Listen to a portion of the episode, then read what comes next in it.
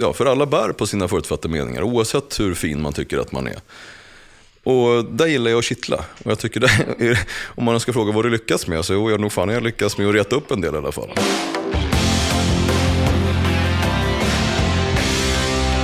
Ja, men då säger vi varmt välkommen till eh, podden Öppet Hjärta. Med mig Marcus Biro. Mikael Strandberg. Hur är läget? Det är bara bra. Ja. Vi sitter där vi brukar göra när vi spelar in podd. På Birger Jarlsgatan 24. Jajamän. Hotell. Drottning Kristina. Ja, där du har införskaffat ett eh, svitliknande rum i sedvanlig ordning. Med Ja. kristallkrona och stor säng och en antik eh, skåp där borta som ser fin ut. Jättetrevligt. Jättetrevligt. Funderade på om man skulle försöka få med sig den faktiskt. Den är Fantastiskt bra på alla sätt. Hur har eh, tillvaron varit och veckan varit? Känns du i fin form eller är du förvirrad över någonting? Nej, jag tycker det bara att rulla på liksom och... eh, Du hade ju en affärsverksamhet innan du drog igång podden. Har du tappat den eller går den, håller du kvar den andra ådran? jag är ju entreprenör, som, eh, precis som våran gäst. Fast kanske, fast kanske inte på den nivån. Kolla vad du har börjat lära dig sen mediala övergångar som vi säger. när man ska börja snacka om något för att leda in då på gästen som är Jan Emanuel. Välkommen hit! Tack så mycket, tack så Hur mycket. läget? Det är bra. Ja, entreprenör, gillar du det uttrycket? Ja, det kan väl nästan bli lite krystat. I och med att det har blivit lite, det har blivit lite poppis. Att de flesta människor vill gärna sätta den. Du vet. Man, man, vad är du för någonting? Och så vet man inte riktigt själv vad man är. Då, då, då kan det bli att nej, men jag är entreprenör. Ja.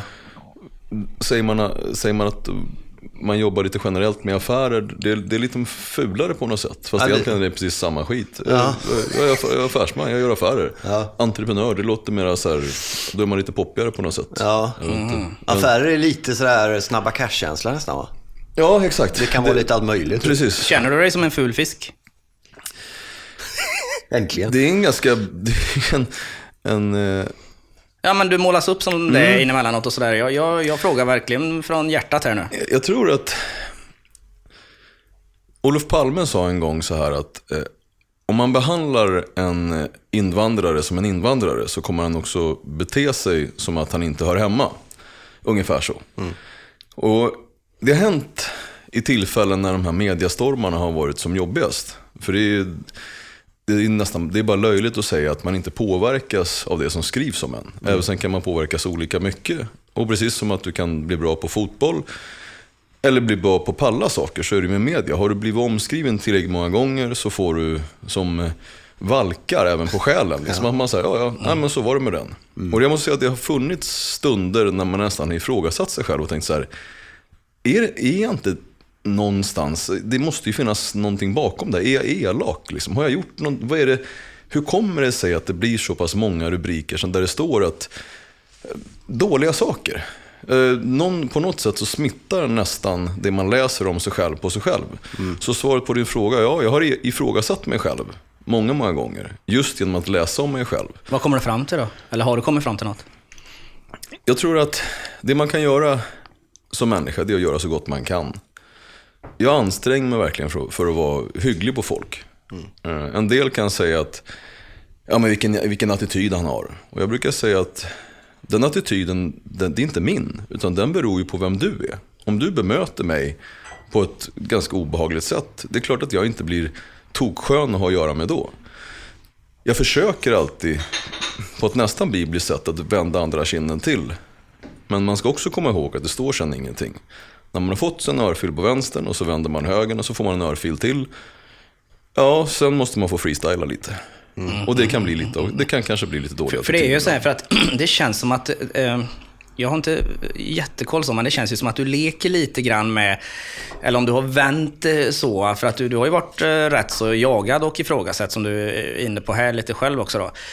Eh, men du, du, du visar ju gärna upp där en, en fet Ferrari och din härliga våning på Östermalm där och, och, och, och de här sakerna då, som då eh, tillsammans med din verksamhet, att folk kanske inte får ihop men du, du retas, du retas du på riktigt, eller för jag tror att det retar människor.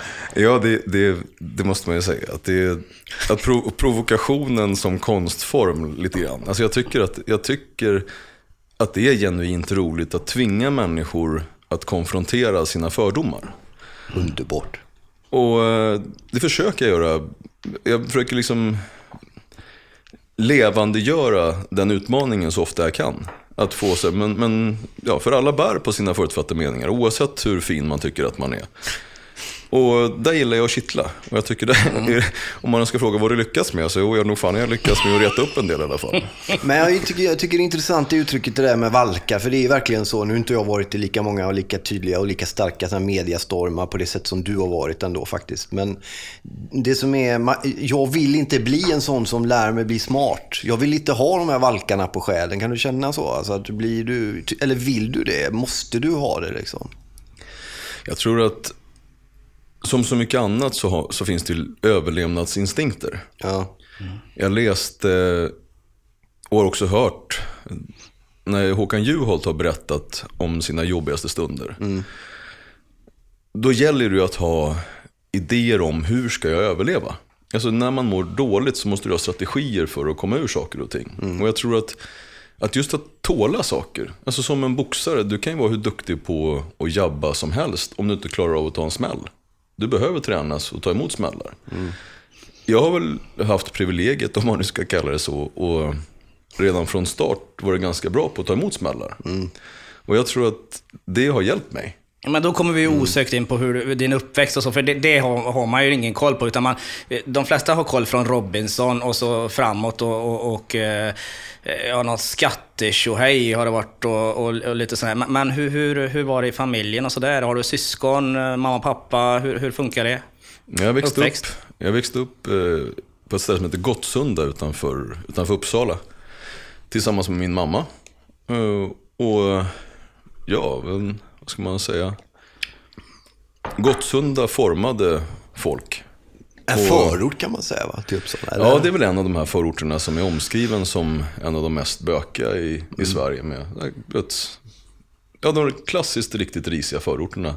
Men en förort som, som för mig bara faktiskt representerar någonting som är vackert. Alltså det min, även om min uppväxt kanske har varit ganska stökig, r- rörig på olika sätt, så är det ändå någonting som jag, jag är stolt över Gottsunda. Jag är glad över att komma därifrån. Men hur, hur var det rörigt?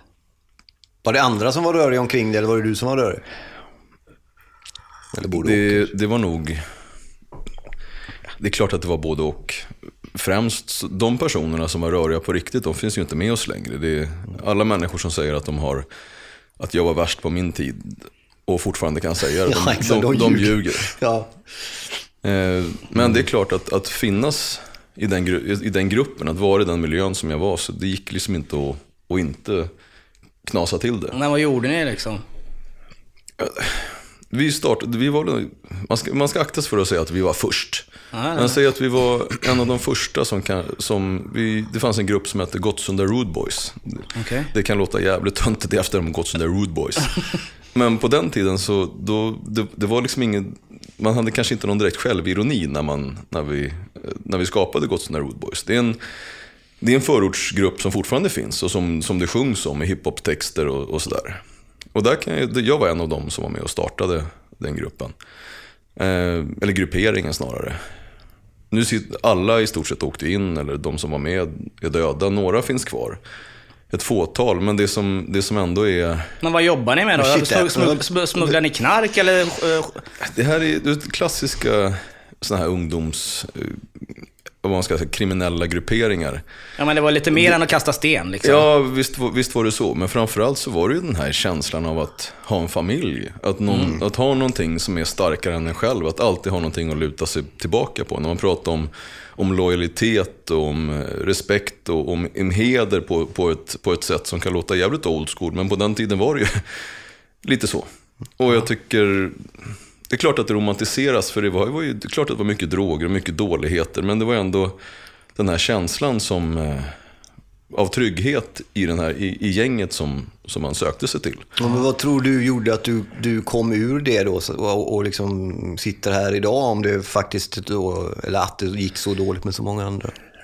Det var ju många saker som hände på den tiden. Jag vet inte om, ni- om ni, ja men det är ni, ni är tillräckligt gamla för att komma ihåg när det stod om värstingresor. Ja, Jajamän. De här värstingresorna som skulle gå till Västindien. Ja, Och- just just det. Ja, Folk var arga för Ja, ja, precis. Ja, var du med på dem? Ja, jag var en av de första som, vi åkte nog, jag tror till och med att det var den första båten som gick. Eh, Och då samlade man ihop det, det man kallade, eller det man sa var den tidens mest aktivt kriminella ungdomar i, i Sverige faktiskt. Men då blev det ju en stor grupp som de tog från Gottsunda. Ja. Och sen skulle åka man på, börja man på seglarläger och sen skulle det gå vidare och, och sådär. Ja. Det här blev ju lite av, vad ska man säga, kanske mer än en flopp faktiskt. Ja. Och, och, vad, hände, vad gjorde ni där liksom? Ni odlade ni vidare på eran... eh, Nej men det, det, fan, det finns ju så mycket roliga stories kring de där. Dra några, vi har tid. Alltså, den ena båten, den blev ju, den blev ju Shanghai. De kapade båtjäveln liksom, och så tog ledarna och, och sa jo visst. Ja, ja visst. Och, och typ snodde båten. Vi, gjorde ju, vi hade ju liknande grejer för oss i, på den här båten. Nu. Eh, bland annat då när man skulle, när man skulle öva, då fick man ju så här små jävla båtar, jag vet inte vad de heter för någonting. Små segelbåtar. Ja, men Jolle typ. Ja, typ en jolle som man skulle förstå det här med vinden och så här. Där började den första, där, där smet den första snubben, han fick för sig att han skulle så här, sno båten dra till Gotland. Då fick de hämta en motorbåt, för han, han kunde inte styra den där båten. Liksom. Han drog, han drog. Ja, han skulle försöka rymma med, med Ja, okej. li- lilla Ja. jollen, det gick sådär. Underbart. Men sen när vi var på båten så, ja det fanns ju, bland annat så fick man inte, inte duscha på båtarna. För att då skulle man gå i, gå i hamnen, för att det var någonting med segelbåtarna som gjorde att man inte duschade. Och så då, så fort, på, på den tiden så var det ganska ofta på behandlingshem och på olika ställen att man hade en pedagogik som gick ut på att om någon har gjort någonting så samlas man i grupp. Så sitter man i den här gruppen och tjatar om det här tills någon har tagit på sig skulden och ber om ursäkt och sen så blir det en konsekvens av det. Och då satt vi i grupp och så, så, så tjatade, "Vad- vem är det som har duschat? Och det är så hemskt. Och nu, hur kan man bryta det här förtroendet? Och nu är man bara, bara, och det tog, alltså, I min, min minnesbild är att det var timmar man satt och tjatade om det. Ja. Och till slut så säger en av mina, mina polare som var med att han, man säger så här. Hej du ledaren. Först och främst, det är ingen som har duschat. Men om det är någon som har duschat spelar ingen roll, kommer bara gallvatten. och, och det här var ju liksom i starten av det hela. Sen slutade det med, och det här, det här var ju lite roliga saker. Bland annat så, så fick vi också en, en, en lapp sen, när vi väl hade dragit därifrån. När de insåg att det gick liksom inte att hålla de här grabbarna. Då fick vi en lapp hem om så ersättningsanspråk för att alla, för att alla de här, alla flytvästar var borta. Och jag förstod ju att alla snodde ju saker på den här båten, men vem snor flytvästar? Ja. Ja, men då ringde jag tillbaka till min polare där och frågade, men hörru, snodde du flytvästar? För det är så här, de vill ha jättemycket pengar av oss. Liksom. Det kanske, för de- hotar med att ens föräldrar ska få betala annars. Ja. Han bara, är de gula? Jag bara, fan, vad, ja. "Nej, De låg under min säng, de luktar skit, jag kastar dem i havet. så han kastade, han kastade i alla, alla flytvästarna. Det, här var ju, det, blev så här, det var ju roliga historier så här i efterhand, men det var också ganska, det var ändå, det var samtidigt tragiskt. Liksom. De körde upp oss till ett ställe som hette Mellanfjärden. Alltså, visste inte ens om att det existerade. Och där skulle vi lära oss hantera båten. Tänk om du kör upp, i det här fallet, kanske 12 ungdomar. De tyng, alltså riktigt obehagliga ungdomar till Mellanfjärden. Med en liten ICA-butik, lite folk som bor där. En liten station där man skulle lägga i en krona för att få duscha. De där stationerna var ju sönderslagna, alla, alla kronor var borta. ICA-butiken blev ju rånad, varenda grej blev ju sabbad. För att någon hade en så jävla dålig idé. Att man tar människor med psykosocial problematik, buntar ihop dem i ett gäng och tror att de skulle bli bättre om de bara får åka lite båt. Ja. Ja. Ja, man kan ju säga att det blev ett, ja, det blev ett fantastiskt misslyckande. Vad sa morsan? Ja, jo, jo. Vad, vad sa mamma under den här perioden liksom? Pappa har du inte pratat något om? Nej, jag, jag blev med hjälp av, med hjälp av eh, socialtjänsten faktiskt, eh, fick jag komma bort ifrån Gottsunda och fick bo hos min pappa i Norrtälje istället. Och det var väl också en sån här grej som gjorde att eh, det blev enklare. Alltså miljöbyte, det är ju, Ja, det är ju det. någonting som faktiskt man kan peka på också i evidens eh, fungerar. Att komma bort ifrån den miljön Mm. där det är knas. Och där kan man väl också se att det var väl en av de delarna som gjorde att det blev liksom, att de som blev kvar i Gottsunda, de, de eskalerade i både Ja, missbruk okej, och kriminalitet. okej, så det blev din räddning då kan man säga? Ja, jag tror att det var i alla fall första steget i att komma åt rätt håll. Är det sant att du drog runt på motorcykel med en bild på Olof Palme och försökte värva röster? Ja, Bra, Det, jag älskar den bilden. det här var, var faktiskt personval 98. Bland de första valen med personval. Första valet Första som det valet. fanns, som det var person, personval överhuvudtaget. Ja. Också kul med tanke på att de flesta har en bild av att, okej, först så vann han Robinson, så tänkte han så här, shit, vad ska jag, vad, hur ska jag kunna profitera på det här? Sen blev politiker sen och så vidare. Just det, för det här var ju innan Robinson. Det här var en bra, bra stund innan, innan Robinson, som sagt. 2008, då ställde jag upp i personvalet i Norrtälje, i, i eh, kommunvalet där. Och fick mer än dubbelt så många personvalsröster som kommunalrådet. Ja. Och blev etta då på listan i, till kommunfullmäktige. Ja. Men då var själva grejen, det, då tog jag efter Gunnar Sträng, den gamla landsvägsagitatorn. Ja. Men jag adderade en Harley Davidson som jag lackade med Olof Palme på, på bakskärmen och demonstrationståg på tanken och så åkte jag runt och, och snackade just. Ja. Har du alltid varit sosse eller kände du att sossarna var bra för att de var störst och där finns det lättast väg att gå? Eller är du socialdemokrat i hjärtat liksom? Jag har aldrig, det finns ingen i min familj som är politiskt engagerad. Min, jo, min morfar var, nu, ska, nu är han död förvisso, men han, han var en, lite engagerad nazist på den tiden. Det var den enda politiska, som jag vet, i min släkt överhuvudtaget. Ja. Att jag var sosse, det är ju någonting som jag någonstans kom på ganska långt fram i livet. Just utifrån den klassiska eh, analysen av klassamhället. Inte på grund av att jag liksom... Alltså socialdem socialdemokratin som grund, alltså den, den ideologi som socialdemokratin bygger på, det som också har byggt det här landet. Där man gör just analysen, hur kommer det sig att du är den du är? Du, det, det, det finns saker som påverkar dig. Att jag har formats till den person som jag är utifrån min uppväxt i Gottsunda. Vilka bor i Gottsunda? Är det, är det gottstältarna? Är det de, de rika som bor i Gottsunda? Nej, inte alls. Är det, är det här liksom vår tids prole- trasproletariat och proletariat växer upp och hur går det för proletariatets ungar? Så där faktiskt, om jag såg på min, min egen grupp. Någonstans när jag, jag läste in grundskolan och viss delar av gymnasiet på folkhögskola. Där någonstans på folkhögskolan så såg jag att den här den upplevda orättvisan, det här som jag någonstans går runt och är lack på. Att jag, jag ser samhället och jag ser att det, är så här, det går svinbra där och det går så attans dåligt för vissa. Har de likadana förutsättningar när det kommer till kritan? Nej, det är, så är det inte. Men är det här för evigt, behöver det alltid vara så? Eller går det att förändra? Där någonstans insåg jag att jo, men det går att förändra. Och vad är det som man ska förändra på då?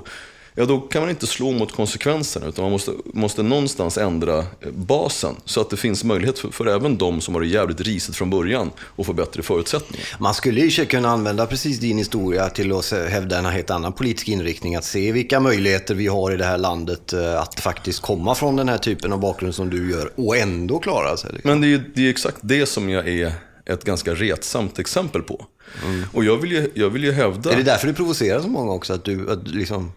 Det är klart att det är, och det, det är inte så att jag är omedveten om det provokativa i att vara just socialdemokrat. Att vara just någon som kommer ifrån absolut ingenting. Som har gått på, som har gått på SOS, som har blivit, ja, som har min bakgrund helt enkelt och helt plötsligt har någonting. Och som inte skäms. Som inte har förstånd och skämmas att vara sosse och ha pengar. Det begriper jag väl att jag inte kan liksom springa runt och bara visa att det gick bra när du är sosse, din idiot. Liksom. Nej. Eh, och, ja, men jag, jag hade nog inte riktigt förstått hur provocerande det kunde vara. Nej. Men sossar själva blir arga väl? Oj ja. Ja. Det, det, Men finns det ett extra behov? För jag tänker som lite på eh, Leif GW Persson har ju också gjort en eh, klassresa, en rätt så rejäl sådan. Och eh, han är ju också så lite ganska snabb med att, ja men han har pengar, han visar att han har pengar och han, han pratar ju om det. Och du visar det, fast du, om man säger en modernare upplaga då, av att visa upp det, om man säger så. Du har eh, på sociala medier de här, du visar upp eh, vad du har skapat eller vad du, vad du, lyxen som du lever i. Finns det ett större behov av, av att visa det om man kanske kommer ifrån de förhållandena som du kommer ifrån? Ja men självklart. Det, det är därför den, den klassiska överklassen, alltså de, de, de av tradition rika, pratar ganska, Eh, vad ska man säga, fult om, det finns ju till och med begrepp så här, för de nyrika. För att de har ingen klass. De som, de som inte förstår att man inte klär sig på, på så sätt. Eller det. En sån där klocka, du kan inte ha en Rolex, gud så, by, ja, och så vidare. Ja. Det, Eh, men- det krävs fyra generationer va? Eller är det tre generationer? för Nej, att jag man ska- vet inte. Jag vet, jag vet bara att jag är fel i exakt alla perspektiv. Jag är tokfel utifrån de, de, de högborgerliga och de fina skara. Jag är tokfel från sossesidan. För att jag är en sosse som, som någonstans har lyckats skrapa upp lite pengar och inte skäms för det. Och jag är, ju- är ju i de, de redan rikas eh, perspektiv också en sosse. som Men känner du dig passar in. mobbad liksom? Eller du har ingen tillhörighet riktigt, eh, låter det som. Mobbad, jag tror att jag är väldigt svårmobbad. Jag, jag har svårt att... Rinner det av eller har du bara lärt dig, apropå det vi pratade om själens skavsår förut. Rinner det av eller, eller låter du, visar du inte att du blir ledsen?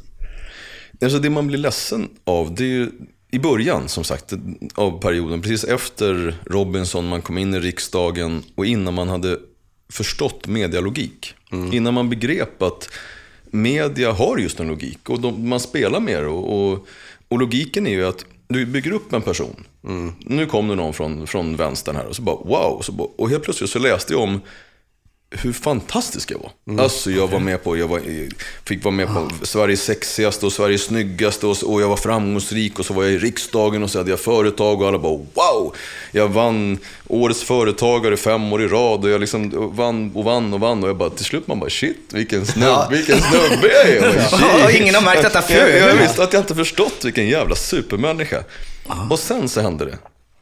Då, var det, då gick jag ifrån den här att ha varit supersnubben till att bli så in i vasken dålig. Och det här gick ganska snabbt. Och innan jag förstod att det är ju så här det funkar. Liksom. Någonstans så byggs man upp och sen så finns det inget intresse längre i att byggas upp. Utan då måste det hända saker. Och så rivs det ner. Och sen så händer det saker. Men kan man liksom. klara sig där uppe hela tiden? Eller, eller är det sån här logik där, där det, det, alla ska gå igenom det liksom? Eller hur? hur? Jag tror, att, jag tror inte att det finns någon person som har funnits med i media längre än kanske fem år som inte fått känna på den här voltan. Jag tror inte att det finns någon person som jag har pratat med som har varit mediaaktuell under en längre period som inte har riktigt obehagliga upplevelser av hur det känns och när drevet går. Och ett, du, känner, du vet hur ett drev är. Ja, jo. Eh, alla, jag, alla som jag känner som har varit med vet hur ett drev är och hur, hur det sliter. Men har man varit med om ett så vet man också hur det känns och sen blir det lättare. Ja, och sen det blir det lättare. Men var, de, var, var, var, var hittar du trösten? För då, då är man ju inte kaxig, det fattar ju vem som helst. Var, var, var sökte du dig? Nej, första, det som har varit skönt, det är att jag alltid haft samma polare. Jag har, liksom, jag har aldrig så här, oj nu, nu hade jag råd att köpa en ny bil, nu, nu skaffar jag nya polare. Jag har alltid haft precis samma människor runt omkring mig. Och de, är, de har varit, lik, likt jag är lojal dem, så är de lojal mig. Jag har alltid haft människor runt omkring mig som jag har kunnat vara med. Så, så, så det, har inte, det, har ingen, det har aldrig varit att grannarna tittar snett eller någonting sånt där. Utan det, det, det har ju varit i att det står just i tidningen. Men och kryper, liksom, kröp ihop i fosterställning? Och, eh, Nej, för fan. nej, han kryps inte i den jävla fosterställning. men, men däremot så åkte jag upp på klubben, eh, jag är med i en MC-klubb. Och satt där, hängde med, hängde med vänner som, som, som sa de där tröstande orden. Att, som till exempel, de, de kan dra åt helvete. Eh, och det var väl ungefär så som man tänkte. att eh, men, ja, Skriv på då. Liksom. Men jag tror också Men- att, att sådana som du liksom straffas hårdare för att du rör dig mellan olika världar. Vi har någon form av tema med de gäster vi bjuder in, att de är ofta aktuella på olika plattformar samtidigt och gör massa olika grejer. Och det förvirrar folk. Och det som förvirrar en del av de här människorna, det förfärar dem också. Och när det då händer något så blir de arga för att de inte kan placera dig. Din jävel, vem tror du att du är? Ska både lyckas med det och det och det. Därför så vill de plocka ner dig lika hårt som de eventuellt har varit med och lyft upp. För jag har lite med om den bilden. Jag tycker inte att det är media som lyfter upp en sån som dig, utan det är du själv som gör det. Vad media däremot gör, det är att de river ner dig. Eller försöker göra.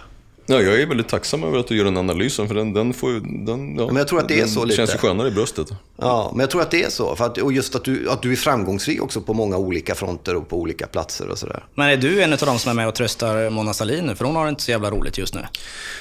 Jag var en av de som skrev till Mona och inte när, eh, när det small till. Och eh, jag bjöd också in henne till precis under drevet och det, det gör jag. Så jag. I och med att man själv vet hur det är så skriver jag ofta till kollegor. Eh, och, och säger just att om, om du behöver någonstans, någonstans att ta vägen, någon att snacka med, du är alltid välkommen. Jag bjuder in dem till, till offentliga sammanhang för att det är väldigt lätt att man låser in sig liksom, när det här händer. Eh, bara för att visa att vad som än skrivs, jag skiter i det. Jag ser dig för den du är. Liksom. Jag dömer ingen människa överhuvudtaget, utan jag ser bara människan. Alla, och alla människor kan bli förlåtna. Det är inte så att det finns en del som gör fel på riktigt. Men ska, ska han dömas för all evighet för det? Det är klart han inte ska. Jag kommer ihåg alltså, när Mona Sahlin var partiledare 2010 och jobbade på Kvällsöppet på TV4 och då var hon där och hon var ju liksom väldigt sådär strikt och många hade åsikter redan då om henne och redan liksom 2005 med, med, eller 1995 förlåt med, med Toblerone och allt det där. Men jag kommer ihåg, hon var den politiker som var där som var i särklass varmast under reklampauserna. Det var då jag iakttog dem. Hon gick mm. ner, pratade, pratade fotboll, italiensk fotboll, hade koll på Milans laguppställning. Alltså hon var, mm. och jag minns det igen, det är sju år sedan, jag kommer ihåg det så väl. Vilken skillnad, vilken värme hon utstrålade om man jämförde med många av de andra mm. politikerna. Jag har en liknande upplevelse som en annan. Jag hade, jag hade vunnit um årets eh, gasell och så x antal år i rad. Och så gick jag runt och var lite mallig över det i, i, i riksdagen och tyckte att fan vad kul, och snart kommer någon och säger typ så här, grattis, kul att, du, eh, att det går bra med affärerna. Mm. Jag kan säga nej, inte alls, utan det var precis tvärtom. En person kom fram och var positiv. Anders Borg kom fram och sa, shit vad duktig du är. Imponerande resa, asbra. Alltså, just begreppet entreprenör, vilken entreprenör. Coolt, vi hörs. Och, det, och, och, en sån där grej sitter ju i. Alltså, skulle han ringa så här, känner jag har fått punka här i Allingsås, kommer du eller? Ja. Bara skoja inte.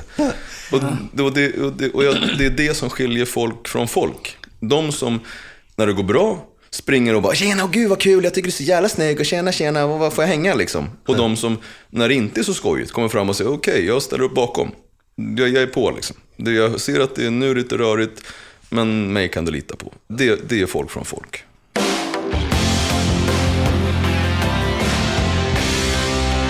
Du är en av de där politikerna som lagt flest motioner va? Eller ja. du la väldigt många motioner i alla fall. Så om någon har någon fördom att du bara satt där och tickade av tiden. Så du, vad var det för motioner du la då? Det är ju en fråga, är det del två på den? Jag har, um, jag har alltid varit nästan kanske lite för mycket djurvän. Alltså så här, verkligen går igång på... Kan man vara för mycket djurvän? Ja, man, blir, man kan bli översinkig. Typ så här, man jag skulle till, till exempel på ett möte som var, så vet så här, håll käften, viktigt möte, det här, du ska komma i tid-möte. Ja. Och så precis när jag ska åka iväg, då bara smäller det till i rutan på, hemma hos mig i, i kåken. Ja. Nej, så är det någon jävla fågel som, kör, som flyger rätt in i fönstret och ligger nedanför och sprattlar. Ja. Då tänk, borde man ju tänka så, ja, det var ju klantigt gjort. Hej då fågeln, jag ska åka över på ett möte. Ja, viktigt möte. Ja, det slutar med att jag blir hemma med en, med en fågel som jag lägger i en kartong som jag kör iväg till till um, så viltskadejouren och det här mötet går i ett pipsvängen förstås. Ja. Och när man då säger, jag har också en grej att ljug inte. Alltså skit i vilket. Bättre att säga bara rakt ut som det är. Hitta inte på att ah, nej, men jag fick punka och det. Utan jag säger bara som det är. Så, så det, det svider i början och så blir det klart istället. Ja. Men när jag, när jag sa att jag, jag kommer lite sent nu, för att det var en fågel som flög in i, i rutan här och nu är jag på väg till, vilt, till viltskadejouren. det var lögn? Ja, men det, det, det låter ju så korkat. ja. så det, men det är på den nivån. Men hur som helst, så det finns, det finns ju den sortens eh, sätt att vara djurvän är väl liksom så, ja men så var det med det. Men det finns ju en sån, det finns någonting så storskaligt och vidrigt i samhället på vilket sätt som vi ser djur. Mm. På vilket sätt som vi utnyttjar djur. Så som djurfabrikerna agerar gentemot kännande, upplevande individer.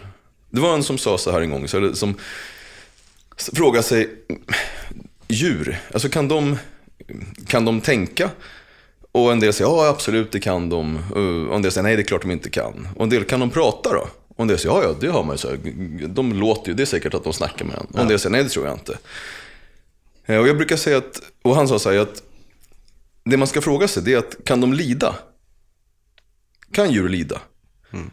Och jag, jag kan säga att jag skiter om de kan prata eller om de, om, om de kan, eh, vad de nu kan för någonting. Men om de kan lida, mm. då är det din förbannade plikt som medindivid och framförallt som människa. Oavsett vilken tro du har så någonstans måste man inse att du är satt till den här jorden att ta tillvara på den. Och om du ser att, en, att någon, du ser någonting, där borta, där borta är det fel. De här varelserna lider på ett vidrigt sätt och det är bara för att det ska vara lite gott i gommen. Hur fel kan det vara? Alltså om inte du agerar, om inte du upplyser, åtminstone gör vad du kan för att förändra det. Då är det som Astrid Lindgren sa, att om du vet vad som är fel och inte gör någonting åt det, då är du en liten lort. och den här lortprylen är ingen lust alls att vara en sån. Och därav så kan man tycka, men hallå, vad är det för politiker? Du skrev ju säkert kanske nästan hälften av de motionerna som du skrev handlade om, om djurskyddsaspekter på olika sätt. Men jag är stolt över varenda motion jag står upp för, vilken, för dem när som helst. Och att det var jag som då skrev flest motioner under den här eh, perioden. Mm. Det var ju också samma som du var inne på tidigare när du frågade som GV och sådär. Mm. Har, du en större, har du ett större behov av att visa upp? Ja men såklart att det är. Alltså har man en revanschism. Mm. mm. Om du aldrig haft någonting. Jag sa väldigt tidigt att någon gång, jag, jag fick sitta i en, i en, Lambo på Gotland när, när de hade gjort en sån här fake Lambo när Coca-Cola eh, Coca-Cola, Coca-Cola Light lanserades i Sverige. Stod i kö i typ en timme för att sitta i den. Och sa till min polare, någon gång ska jag ha en sån här. Han bara, eller hur bre? Glöm den grejen. Men jag köpte den. Och det är klart att vad fan ska jag med en Lambo till? Det är en skitfånig bil. Men jag, jag, jag, vill ha den. Jag vill kunna, jag, nu, nu, jag vill inte vara nyfiken. Jag vill inte så här, undrar hur det känns att köra en Lambo? Jag vet hur det känns att köra en Lambo. Nu, nu är det klart. Ja. Eh, samma sak så var det i politiken. När jag kom dit, hur många tror ni det var som tittade bara Dokusåpa-killen i riksdagen, han fattar ju säkert ingenting. Det är klart att jag inte kunde göra likadant som alla andra. Jag fick göra dubbelt så mycket. Tre gånger så mycket. Uh. Dubbelt så många debatter. Jag fick vara mycket bättre påläst. Det fick ju vara, när jag satt i socialutskottet och tog debatterna. Man såg nästan hur, hur motståndarna smålog när jag klev upp. Och hur jag käkade upp dem. ja, men alltså det, det, var, underbart. det var underbart. Det var, det var, det var kick. Mm. Har du någonting emot eh, p-lisor? Absolut ingenting emot p-lisor. Jag, jag, jag, tycker... De jobbar. Det är deras jobb att hålla på och lappa min bil. Mm. Däremot så, så eh, har jag ju definitivt, är jag ingen vidare på att följa... Ibland så tror man när, man när man tittar, jag vet att det är många som har sett på sociala medier och så här, Ja, det är ju hela tiden, det är gula lappar, snart ser man inte bilen. Liksom. Det, gula lappar är snart blir det. helt gula. Och det är inte så att jag, att jag liksom, så medvetet ställer mig på ett bänkt sätt. Men, men Ibland har man lite brådis och jag tittar, ja, jag är lite slarvig i parkeringen. Men jag är definitivt inte så att jag, tänk, att jag skyller på lappliserna för att det är inte deras fel att jag, att jag parkerar korkat. Eller? Mikael hade, jag har kört bil, eller åkt bil med dig någon gång. Eh, och du sa, nej men det, det, du, två, två grejer hade du som jag testade på dig. Då. Det ena var att liksom, jag, jag tar boten, jag har råd. Typ. Och det andra var att man öppnar bakluckan. För att då tror de att man packar in eller ut grejer. Ja, men jag gör de, vänt, de, de väntar ju och kollar hur länge du står där. Ja. Det mm. men, men vad så... menar du? Står, står din bil på samma ställe under lång tid och blir lappad hela tiden? Eller får du, får du parkeringsbot överallt på stan när du ställer bilen? Det är två olika sätt att bli... Jag, jag, jag, den ena är, är att jag tänker att här, kan man, här står jag inte i vägen, jag ska bara springa in en liten stund. Ja. Och det går ju alltid åt pipsvängen. Ja, men då får man en va? Då får man en. Och sen, och sen så är det alltid den här att jag tänker att, jag, att jag, den bästa är när man både pröjsar. Man har en applikation och så pröjsar man och så går man upp och tycker att, tittar på skylten att sådär, nu är det ju bra. Direkt eller? Ja, man pröjsar på en gång. Ah, okay. ja, allting, allting är rätt, ah. förutom att det är städgata. Och, och den här städgatan, jag, jag, jag, jag kör ju den gång efter annan. Och det är bara, ah. bara, bara slarv och det är bara att lära sig. Och så ändrar de städgator. Och, ja, nej men jag är slarvig, det är, ingen, det är bara mitt eget fel. Fan, det var skönt. Bra skattepengar. Ja, och framförallt så det är inte så att det drabbar någon annan. Det är inte så att jag ställer mig på en handikappsparkering. Utan det är att, ja, har man brådis och man, och man tycker att ja, men jag chansar. Ibland så går det, ibland så går det inte. Men kan det, det bli trottoaren och så också? Det har väl hänt att jag ställt mig på en trottoar, men inte på ett sätt så att jag liksom, så folk eh, inte kan gå förbi eller sådär. Jag, jag, jag försöker verkligen inte på något sätt vara, vara bäng eller dum, hänsynslös på något sätt. Utan jag gör, jag gör verkligen så gott jag kan för att vara en hygglig jag måste kolla lite med Robinson. Du vann ju 2001 och då var det ju ganska nytt va? Det kom väl 99 eller sånt där tror jag. Det drog igång första va? Ja. Eller 97 kanske. Ja, det var i alla fall hyfsat tidig version va? Ja, det var en galen hype. Var, ja, för det här var exakt. ju Sveriges mest eh, tittade program. Ja, vi, ska, alltså, vi ska säga det till alla unga människor då, eller yngre än oss, som inte, som, som, var, som inte var med då och liksom tror att medieklimatet, det såg ju helt annorlunda ut 2001. Som du säger, det fanns inte så många docksåpor, det fanns inte menar, sociala Nej, medier allt sånt där. Alla kollade, alla snackade Robinson. Du vann det. Vad hände, med, vad hände med dig där under den resan? Både när du var där men också själva genomslaget efteråt. Liksom. Nej, det var ju först och främst så var det ju en, eh, en strategi förstås. Det var inte så att jag, att jag tänkte att gud vad kul det ska bli att få vara på en ö och inte få någon mat i massa veckor. Nej. Utan det, det här Hade var du ju... en plan innan? Ja, ja. Jag är alltså väldigt uttalad och, och nedtecknad och genomtänkt förstås. Ja. Utan det var ju att jag ville komma in i riksdagen. Jag hade ju kommit in eh, 98 i fullmäktige. Eh, och jag hade ju en, en vision och en idé om vad jag skulle kunna göra i riksdagen. Alltså vilka frågor jag skulle kunna driva och att jag på riktigt skulle kunna göra skillnad. Att jag faktiskt skulle kunna vara behjälplig för de utsatta grupperna som verkligen behövde någon som representerar dem. Så skulle jag, det kan vara att det var en, en vind av överdimensionerad självbild där man trodde för mycket om sig själv eller om politiken också. Men jag hade verkligen en, en sann tro och en vision om att jag skulle kunna göra skillnad. Men insåg ju snabbt att kommer du greja det här och köra den klassiska kaffekokarprylen, att du går på partimöten, kokar kaffe, säger, säger att åh vad, vad fin du är ikväll Kerstin till rätt personer. Ja. Skitdålig på att säga, säga snälla saker till Kerstin och skitdålig på att koka kaffe. Ni måste finna någon annan grej. Så, ja, personval. Kommer jag kunna klistra så mycket affischer så alla, alla kommer lära, lära känna mig och sen kommer rösta på mig? Ja, men glöm det, det finns ju inte. Kommer jag kunna köpa några medieutrymmen? Jag hade ju inte en spänn på den tiden, så det är klart jag inte kunde. Kan jag komma med i någon sån här såpa som var, kanske, testa. Kommer jag med så kommer jag åtminstone, kan jag bara vara med i några avsnitt, kan jag göra någon form av avtryck i där, ja då har jag någonting att kliva ifrån.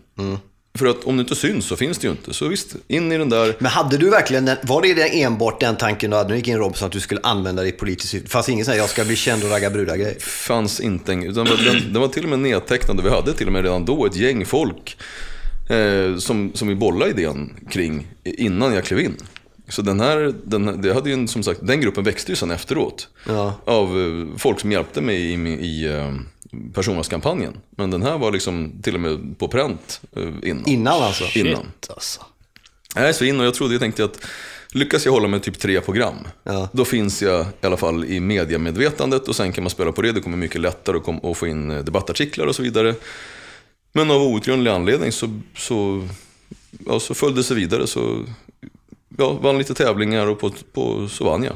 Outgrundlig anledning. Ja, jag tycker det- det låter som det mest välplanerade dokusåpa-inträdet i historien. Eller vad Nej, säger men- du, Marcus? Men, men att man fick vinna, det var ju, det var ju tacksamt. Men, men en grej som är intressant är det ändå, för då, du, du använde det för att göra politiskt avtryck och, och komma in i det. Och det gjorde du lyckades, samtidigt som du då blev, ka- kan jag då tänka mig, eh, väldigt motarbetad just av den anledningen att du hade kommit in via den vägen. Så att, eller folk såg på det som, som du själv sa nu. Alltså hela den här eh, personvalskampanjen blev ju, alltså det här, man ska komma ihåg att nu tänker ju alla, personvalskampanj, det gör väl alla? Ja. Nej, det var, det var jag och Paolo typ som körde personvalskampanj. ja, folk visste inte hur de skulle göra Nej, det. var ingen, ingen hade någon aning. Och det var, ju, det var så fult på den här tiden. Ja, alltså, ja. att, att inom borgerligheten, där fanns det ändå så här, man tittar på USA och tyckte USA var lite fräscht, men personvalskampanj, ja, men det är så här ballt, man lyfter fram sig själv. Inom socialdemokratin, att lyfta fram sig själv inom partiet. Oh, alltså, uff, det det var det fulaste du kunde göra. Så jag var ju så attans fel på bollen redan där.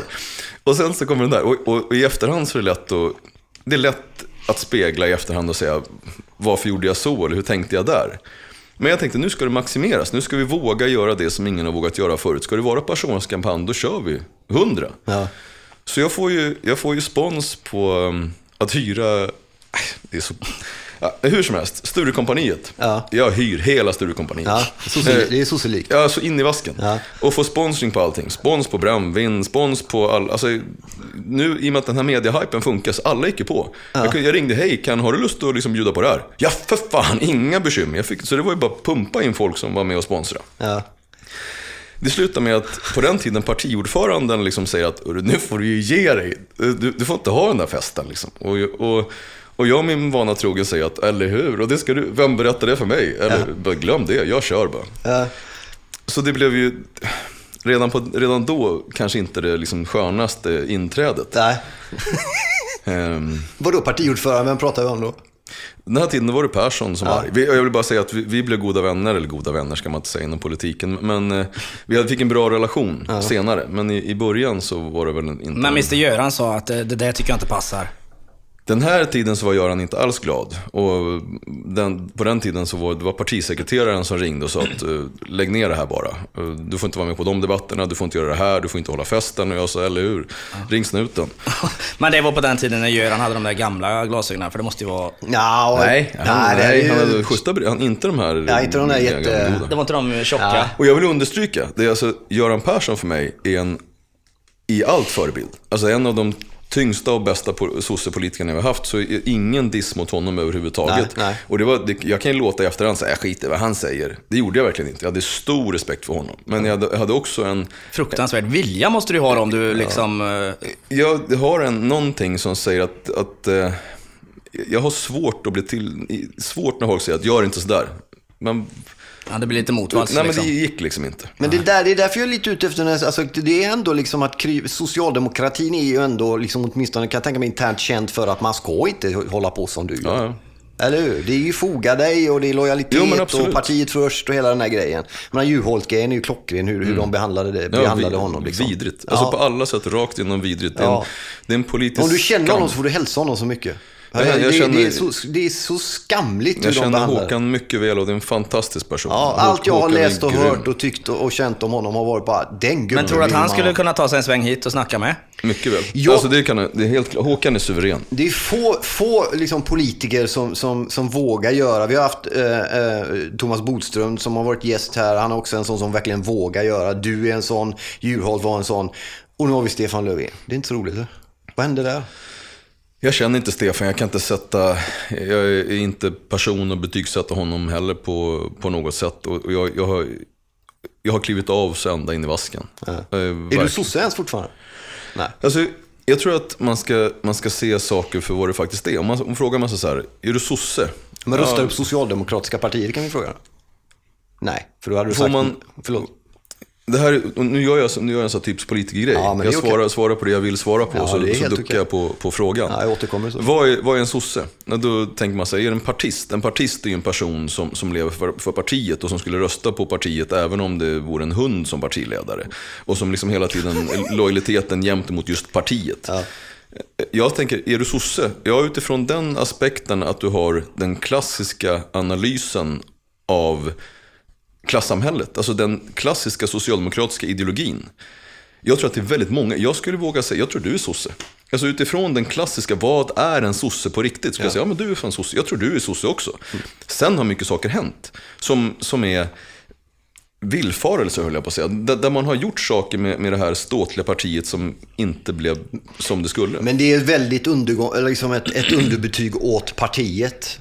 Genom att säga en sån sak, för då har man ju tappat helt. Vad gör man om den här liksom, sosseandan, om folket då, den här eh, klasskampen och allt det där. Om de människorna, arbetarklass som man sa för eh, vanligt folk, eller vad man ska använda, väljer att gå till andra partier eller andra yttringar. Vem är det som har varit, om folket bygger ett annat land, har folket fel då? Jag tror att, och det här var Håkan inne på. Alltså Håkans tal, hans initiala tal på, på kongressen. Ja, briljant det- Ja, det är så briljant. Och det, det satte fingret på, på, på vad är problemet. Alltså när man inte har en ideologisk kompass. Alltså man vet att åt det här hållet ska vi. När man lever i en tid där man får sätta armbindlar på politikerna för att begripa vilket parti de företräder. Någonting är knas. Och sen så frågar man sig, hur kommer det sig att, eh, att folk inte engagerar sig? Ja men i vad? Du tycker ju ingenting. Ja, du exakt. låter ju bara. Vad ska, vem ska engagera sig? Och så tycker de är, som, de är tvåa på bollen överallt. Jag är övertygad om att, vi ska inte prata mer om honom, men om Håkan Juholt hade fått en chans som partiledare hade Sverigedemokraterna varit 5-10% mindre än vad de är nu. Ja, jag tror faktiskt, jag tror faktiskt också på det. det när man ser till vad, vad han dömdes för, vad, vad det var som, som, vad hela det här, vad allt det här drevet handlade om. Så att jag säger, en annan stor ledare, han sa att eh, historien ska frikänna mig. Och jag säger, oj vad historien kommer frikänna Juholt. Och oj vad många människor som kommer få skämmas vad det lider. Ja. Var det mustaschen tror du? Som gjorde att han knasade till det? Nej, jag tror inte att det var mustaschen faktiskt. Ja, det, är liksom, det, det är den, en av extremt få politiker jag hört som gått upp och börjat prata om poesi och kultur eh, i talarstolen. Bara en sån sak. Liksom. Och till och med det tog man ifrån honom. Ja. Till och med det försökte, försökte folk skri- på- påskriva. Nej, men inte få, det är socialdemokratin Ja, själv. ja, den ja, egna rörelsen var det som mejade honom i ryggen. men sen även han, vad heter han, den här så kallade vänsterpojken. Suhonen, Ja, Mm. den, denna... Ja, ja, man ska inte prata illa om folk, men, men vilk, vilken låtsasmänniska. Där, så, till och med det försöker han, liksom, försöker han ta på sig så här, jo, att låtsas som att han är Håkans vän, samtidigt som han säger att egentligen så var det jag som fanns bakom. Ja. Det är väl kanske den mest spelade ideolog som, eh, som har gått i ett par skor. Ja, någon, någon form, av- skulle du slå man upp, googlar man falskhet så kommer det upp en bild på Wikipedia på honom. Ja. Daniel Suhonen ska jag säga. Vad, eh, vi, ska, vi ska runda strax, men eh, vi, vi eh, är ju vänner av Bert Karlsson här. Ja, Det är lite otippat kanske, men vi, vi, vi gillar Bert för vad Bert är. Sen det finns vissa saker som... Men du har ju haft honom som rådgivare, hur var den grejen? Svarar han i telefon eller? Bert svarar alltid i telefon. Ja, han, han. svarar i Förlåt, telefon, riktigt. han svarar i telefon också. Ring med honom nu, även om han sitter i möte så, Ja, det så har du faktiskt helt rätt i. Det var tvärtom. Han är grym på att svara i telefon. Ja, det är riktigt. Ehm, Bert är en person som säger vad han tycker. Ja. Därmed inte sagt att det som Bert tycker är rätt. Men jag tycker det är hedersamt med personer som inte vinglar. Som bara säger rakt ut, så här tycker jag. Och Det så handlar var om det, så med respekt för andra människor Ja, också, eller hur? så Det, är det. är liksom, Okej, jag säger det här, men du är kapabel till att själv avgöra vad du tycker om det jag säger. Det, om man inte vågar göra det, då blir det ju liksom, det är då falskspelet träder in. Och Liksom. sen tycker jag att, det, att när man mäter saker så finns det många som, det finns otroligt många pratmakare. Så väldigt många människor som med ord ska beskriva hur duktiga de är. Eller så här, som, också människor som är så otroligt bra på att döma andra. Men sen så brukar jag säga så här, men ta och mät istället. Se vad som blev av det. Och då kan många människor säga, som till Bert till exempel, åh vilken, vilken, han är, vilken pajas. Okej, men vi mäter lite. Vi tittar på vad har Bert fått ur händerna under sin livsperiod? Och vad har du fått ur händerna? Hur kommer det sig att du sitter, du kan inte, du, det enda du gör det dömer andra, men du får inte ett piss ur händerna. Och du, hur kan du döma honom? Och vem är du att döma? Jag tänkte på en annan grej. Ett jättekast här nu. Men eh, jag, eh, om man kollar lite på de sociala medierna, kollar lite på din Facebook och lite sånt där. Du syns ju mycket där själv. Har du någon flickvän? Ja, jag är gift sedan eh, 18 år. Ja, det är tryggt och stabilt. Det är tryggt och stabilt. Men att jag ens kan ställa frågan om, men hon är aldrig med på några bilder som jag har sett. Aldrig min fru, aldrig mina barn, aldrig någon som, som på något sätt eh, jag, jag försöker låta bli, och har gjort så under alla, alla år, att eh, jag lyfter inte fram, när mina barn är så pass stora så de själva kan, kan få välja när de vill få vara få synas på bild. Då ska de få vara med på bild hur mycket de vill. Men att jag ska inte lyfta fram mina småungar eller min fru. Och när jag sen tar ställning för någonting som folk kan bli arga på eller retas på. Då är det jag som ska ha den örfilen, inte min familj. Står hon, eh, har, det- hur har du liksom kunnat förena familjelivet och sådana där saker? Har varit jobbigt på, på resans gång? Eller står frun alltid bakom? Ja, jag tror att det är precis som de här gamla klassiska eh, sägningarna kring att varje, bakom varje... Jag tänker inte, jag tänker inte säga framstående kring mig själv, men bakom varje människa som försöker drifta någonting och lägger ner mycket tid på det, så finns det alltid någon som har backat. Och i det här fallet så är det min fru, hon har alltid varit med och backat upp. Det har nog inte varit plättlätt alla gånger. Jag tycker att det där är, det. är mm, beundransvärt och eftersträvansvärt i mångt och mycket. Och jag önskar just det där med, med familjen och barn och så. Jag, jag har ju gjort det på ett annat sätt och jag har nog, haft, och jag har nog ångrat det lite. Det där med barn och hemma hos och sådana grejer som jag har gjort lite. Och känt umgås du mycket med dina barn? Inget bra alltså. Hur, hur, känner du? Det, Ja, det där lite. är, är skönt att höra, för jag har ju tänkt flera gånger att så många, du kan inte förstå hur många, hur många förfrågningar har man fått. Skulle Ja. inte du kunna göra det här med din unge eller det här och ditten och datten? Ja, nej, jag, jag, och framförallt när det har börjat blåsa och man har tagit, det, du- det du sa på slutet där om, om att ska man ha någon örfil där och eh, när till och med folk säger så du kanske ska vara lite försiktig med att lägga ut bilder på dina barn med tanke på att du är i blåsväder. Och så då tänker man, ja just det. Och det är helt vidrigt att man ska behöva tänka så, men det, är, det är nog, var nog smart gjort och bra gjort. Tror jag. Men hinner du med dina barn? Med, med, med allt som du gör liksom? Hin- Hinner du med dem? Du, du har väl dåligt samvete som alla andra, men hinner du med dem? Tycker du själv att du gör det? Jag har haft, och haft anledning och haft dåligt samvete tidigare. Men det är ju när man bygger upp bolag. Det är ju liksom i uppbyggnadsfasen, det är ju då det är 24-7. Och när du, liksom, när, du för första, när du första gången pantsätter allt du, du har överhuvudtaget för att kunna få det att rulla. Att ha gått ifrån på riktigt haft socialbidrag, inte haft någonting. Till att försöka pantsätta sin första motorcykel för att kunna få ta ett lån för att kunna starta ditt första företag. Då jobbar man 24-7. När du väl är framme och har privilegiet att kunna välja. Jag jobbar aldrig längre än åtta timmar om dagen längre. Jag säger att jag gör inte det. Varför ska, varför ska jag nu jobba och, och inte hänga med mina ungar? Jag, prior, jag prioriterar mina barn långt framför alla var, det spelar ingen roll vad det är för häftiga möten eller vad man blir bjuden till. Alltid mina unga först. Vad ska du göra med alla pengar? Har du någon plan? Ja, eh, planen är ju att jag inte ska vara nyfiken. Och det är ju privi- Oj, då stoppar ju allt. privilegiet att pengar, pengar är frihet. Det brukar alla säga. Vad är pengar? Ja, pengar är frihet. Mm. Och jag hatar att vara inlåst. Och nu har jag privilegiet att kunna, jag är nyfiken på, oj, undrar den här nya, eller så, den klassikern. Hur kan du som är socialdemokrat köra en vit eh, Lamborghini? Ja, då, sa jag, då sålde jag den och så köpte jag en sosseröd eh, Ferrari istället. Men inte, inte fan blev de gladare för det liksom. Men, jag- men jag är heller inte nyfiken på varken att ha en Lambo eller en Ferrari. Och, och, ja, och sen, när man, sen när jag har kört den, då kanske jag inte behöver ha den. Så kan jag, köpa, kan jag köpa en Renault 4L sen, eller vad man Hur, köper. berörde vi det? Jag måste fråga Marcus, berörde vi det som vi snackade om före där med hans eh, relationer med media eller hur man hanterar när man blir attackerad? Ja, men det och- gjorde vi i början. Jag Ja, tycker. men var det, kom det med eller? Ja, det kom med. Ja, för det, jag, jag tycker det är, det är en cool grej. Nej, man- det är mycket att lära där. Alltså, mycket att lyssna och lära. Hur ser eh, året ut annars då, det så här 2017 nu då, framöver? Liksom? Har du några konkreta som du känner, det ska jag göra eller det är på gång och så? Ja, jag har, jag har ju blivit lite så båtfrälst. Så jag Ja. tycker att det är fantastiskt roligt med, med, med att åka båt. Så när Inte det- värstingresorna dock som ju skapar Nej, just det var inte det som skapade Nej, intresset nej. heller faktiskt. Nej. Men så när det, när det är varmt så då är jag i, i båten, jobbar ifrån båten, är i, i båten. Sen har jag ett litet hostel, en liten restaurang eh, som jag är delägare i på Kuba. Eh, Så där håller jag på. Jaha. Ja, där håller jag på en hel del. Det är lite, det är lite roligt. Ja. Och som alltid så är de, de små, kanske inte de mest ekonomiskt inbringande verksamheterna som tar mest tid. Ja. Men det är också det som är roligt. Så, så, och sen har jag en del, vad ska man säga, goodwill-projekt som jag, som jag jobbar med. Ja. Och återigen tillbaka på av djurskydd och djurrättsområdet. Ja. ja, en sista fråga, eller min sista, sen kanske Mikael har någon. Men, men eh, jag sitter och tänker på den fina gamla pastorn, numera katoliken Ulf Ekman. Som sa... Mm. Jag eh, mejlade honom bara för någon par veckor sedan faktiskt. Ja. Ja, ja, men jag gillar honom. Han är ju en man som också blivit utsatt för väldigt mycket för, extremt mycket fördomar Mm. och, och så. Och, och jag träffade honom i något sammanhang så sa jag, för jag lärde känna honom, lärt känna honom. Och han är en helt annan människa än det jag trodde och det jag hört. Och det, jag kan tänka mig att du också varit med om samma. Och den här revanschlusten kan ofta föda en känsla av att man vill tillrättavisa alla jävla människor. om Mm. Att man inte är som de tror. Har du släppt den?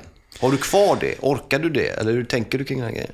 Jag tror att det är en, alla bär en daglig kamp. Alltså, ofta så, så är den här kampen, alltså, ofta har, har- jag analyserat mig själv som också min största fiende. Om, om man bara hade sett att det kan, den här karriären vill jag göra, så är det, ju, det är inte någon annan som beter sig, utan det är alltid jag som, som provocerar, gör någonting. Den kampen bär man ju med sig. Den kampen som är när det, när det gäller revanschen. Att hela tiden behöva bevisa att man duger. Ja.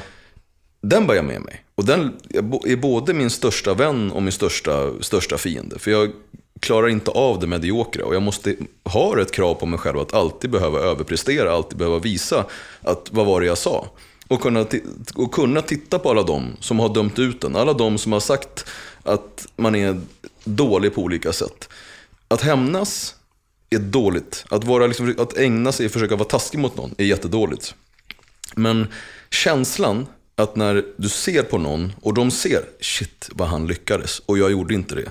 Framgången, det är den fina hämndens mamma. Det är, det, den sitter som bäst. Och där är, det är ju ett privilegium att kunna få lyckas med lite grejer. Och visa det för de personerna som har sagt att den för den här snubben kommer det, du men, men ändå för. så låter det så här, kan man någonsin, för det frågar vi ju Bert också liksom. När får man vila då? För att det här kommer ju, jag menar, eh, det fortsätter och fortsätter. Det, den jakten eh, tar väl aldrig stopp liksom. Även om du nu ligger i ett så pass bra läge där, och ekonomiskt och allting, du är ju fri så. Men... eh, Men jag såg att det tändes en liten sån i ögonen då när du kommer in på att visa alla de där. Den, den finns ju kvar. Såklart det finns kvar. Och, jag lever ju på det, här, på det här hoppet, vilket jag tror att vi alla gör någonstans. Att kommer jag bara dit, då, det är då, då är det lugnt. Då är jag klar. Om Men det finns inget mål där då, eller liksom, det finns inget stopp. Nej, man kommer, men så fort du kommer dit, då har du satt nästa mål. Så fort du är där, när du kommer till fullmäktige och tänker att det är där, det är där intellig- intelligentian finns, det är där och visionärerna finns. Och så bara, nej. Och så tänker du, riksdagen. Kommer jag bara till riksdagen, då. Det är där intelligentian, det är där de riktiga liksom, visionärerna finns. Så kommer man dit och så bara, nej. Då tänker man, näringslivet, får jag bara komma in i den gruppen, det är där de är, då. Så bara, Ja, men vad sjutton. Någonstans, ja. Och så grej efter grej efter grej. Liksom. Vad, vad är nästa grej då bara? Till slut liksom, det sista här. Jag försöker jobba ganska mycket internationellt nu. Eh, titta hur det funkar i andra länder. Nu, har, nu är det ju en, en riktig utmaning att få igång verksamhet i Kuba. Vi har, har ett bolag som bara jobbar med kubanska investeringar och hur man, hur man öppnar upp för internationella bolag på Kuba. Vi jobbar även en del i USA. Och det är ju en, det är ju en, en utmaning, särskilt för att både när man inte har den erfarenheten och kanske inte heller de här formella utbildningarna som man tycker att man ska ha. Så det är klart att det är en utmaning, får man se var det landar. Ja, du ser till att sätta dig i en sån position helt enkelt. Så att eh, du ska få bevisa igen. Om man inte utmanar sig själv, då utvecklas man aldrig. Jag brukar säga att, att eh, jag har, det här är- låter så jävla löjligt, men jag brukar, brukar försöka säga att jag har aldrig misslyckats, men däremot har jag fått betala ganska dyrt för min utbildning. Men det tycker jag kan vara en rätt snygg avslutning ja, där. jättebra. Stort tack Jan Emanuel för att du kom hit och, och gästade vår podd. Tack, tack. Stort tack för att du vill komma. Och varmt lycka till. Tack.